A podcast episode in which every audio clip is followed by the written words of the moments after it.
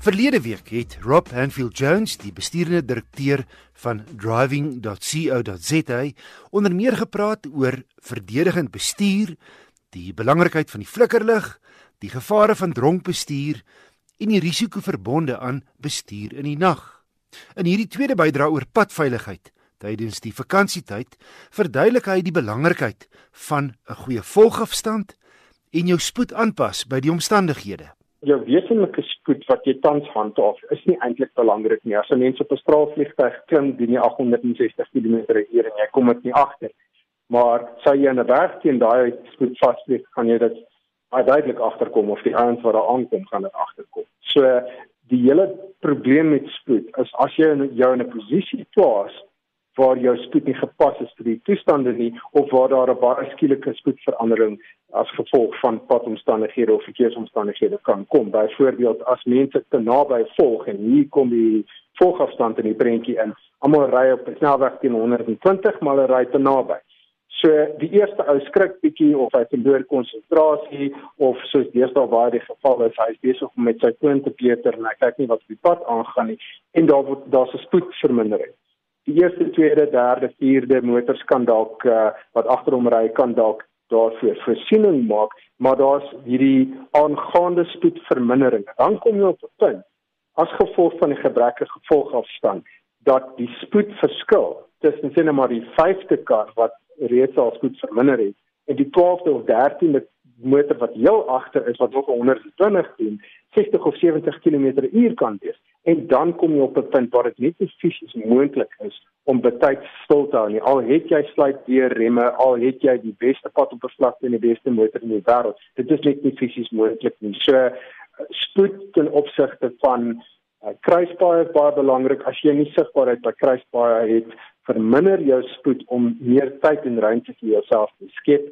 As jy op 'n hoë spoedpad soos 'n snelweg is, probeer teen die uh, huidige spoed van die verkeer beweeg dat daar nie spoedvariasies is nie. En as jy omdraai gaan, maak seker dat jy jouself heelwat Engels praat hulle van margin for error los. Met ander ja. woorde, moet nou nie teen 110% aan die draai ingaan nie. Want die geringste ding, 'n klein oliedruppel op die pad of 'n motor wat effe oor sperstreep is of 'n bietjie grys wat op die pad lê, kan dan jou Moses wees. So dit is net 'n geval van verstandige gebruik van spoed vir die omstandighede en volgafstand is nie net belangrik vir die fisiese ruimte eh, voor jou skep nie. Dit is ook belangrik omdat hy meer sigbaarheid skep. Jy kan verder vooruit sien wat jy het nou nie 'n vragmotor of 'n groot bakkie wat voor jou is wat dit belemmer nie. Dan kan jy vroegtydig sien of daar probleme voor jou is en vroegtydig besluit neem. Rob en dan sien 'n mens gereeld dat daar 'n uiters gevaarlike ding op ons paaie, op ons enkelpaaie plaasvind. En kyk, dis goed en gaaf wanneer 'n voertuig of 'n stadige vragmotor vir jou aftrek in die geelstreep.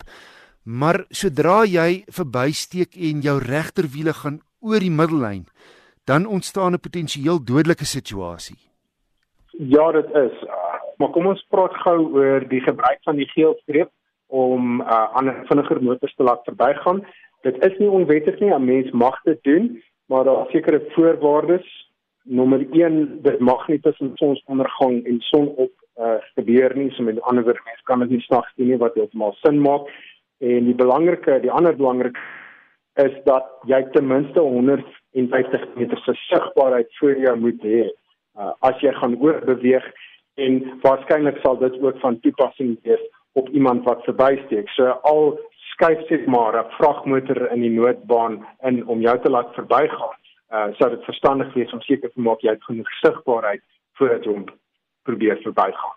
As 'n mens gaan kyk na wat is die sterkste koers van tromp op botsings, sal 'n mens duidelik agterkom dat dit nie 'n goeie idee is om enigstens jou voertuig in posisie te plaas waar jy in 'n tromp op botsing Eh, betrokke kan wees want jou kanse vir vir oorlewing is so klein. So nie net as jy op die geelstreep verbygaan nie, maar enige plek waar jy nie sigbaar is van wat voor aangaan. Byvoorbeeld by 'n blinde hoogte, blinde draai, by kruispaaie, moenie die risiko waag om aan die verkeerde kant van die pad te wees want jy weet nooit wat van die ander kant af kom.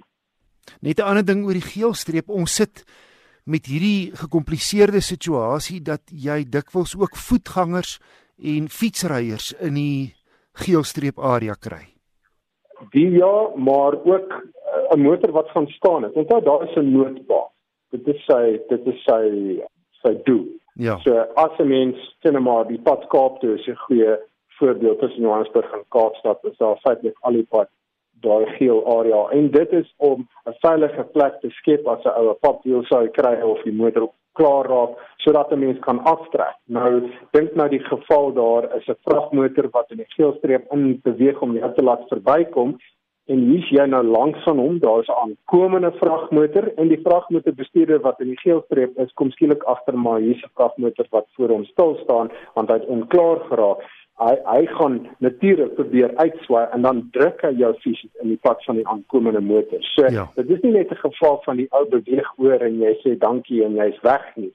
Voordat jy besluit om langsaam daai voertuig in te beweeg, hou dop dat jy nie aankomende verkeer het wat dalk vir 'n probleem kan wees as daar 'n stilstaande voertuig of 'n fietsryer of voetgangers is wat in die noodbaan die voertuig wat uit jou pad uit beweeg het uh, se vordering kan belemmer. Rob, 'n ander ding is motoriste moet besef dat die mense gaan weg met vakansie en hulle is dikwels baie swaarder gelaai as gewoonlik, so dit gaan langer vat om te stop in 'n noodgeval en jy is minder beweeglik as jy moet uitswaai.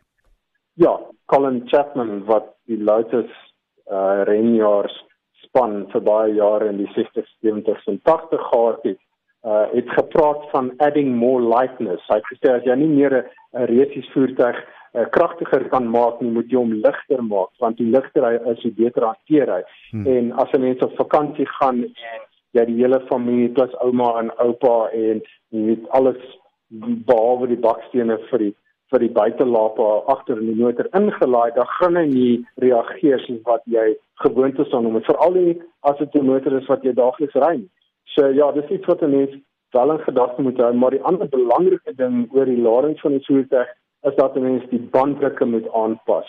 Die banddrukke wat 'n mens gewoonlik nie ry, is die banddrukke vir waar een een of twee mense dalk 'n paar tasse of seats in die motor het. Mens moet op die deurpilaar by die deur waar jy by die drywer sitplek inklim kyk daar is gewoonlik 'n plakkertjie en op daai plakkertjie staan die verskillende banddrukke vir die verskillende ladingstoestande van die motor. So dit is baie gevaarlik om 'n swaar belaaide motor met gewone banddrukke te ry want dan is die band die banddrukke eintlik te pad en dan kan hulle oorverhit en op daardie stadium kan die band letterlik uitmekaar uit begin kom en en dalk bars. Rob Anfield Jones van driving.co.za. Volgende week bespreek ek weer luisteraars se briewe. E-pos gerus enige motornavraag aan my. Die adres is wissel@rsg.co.za. wissel@rsg.co.za.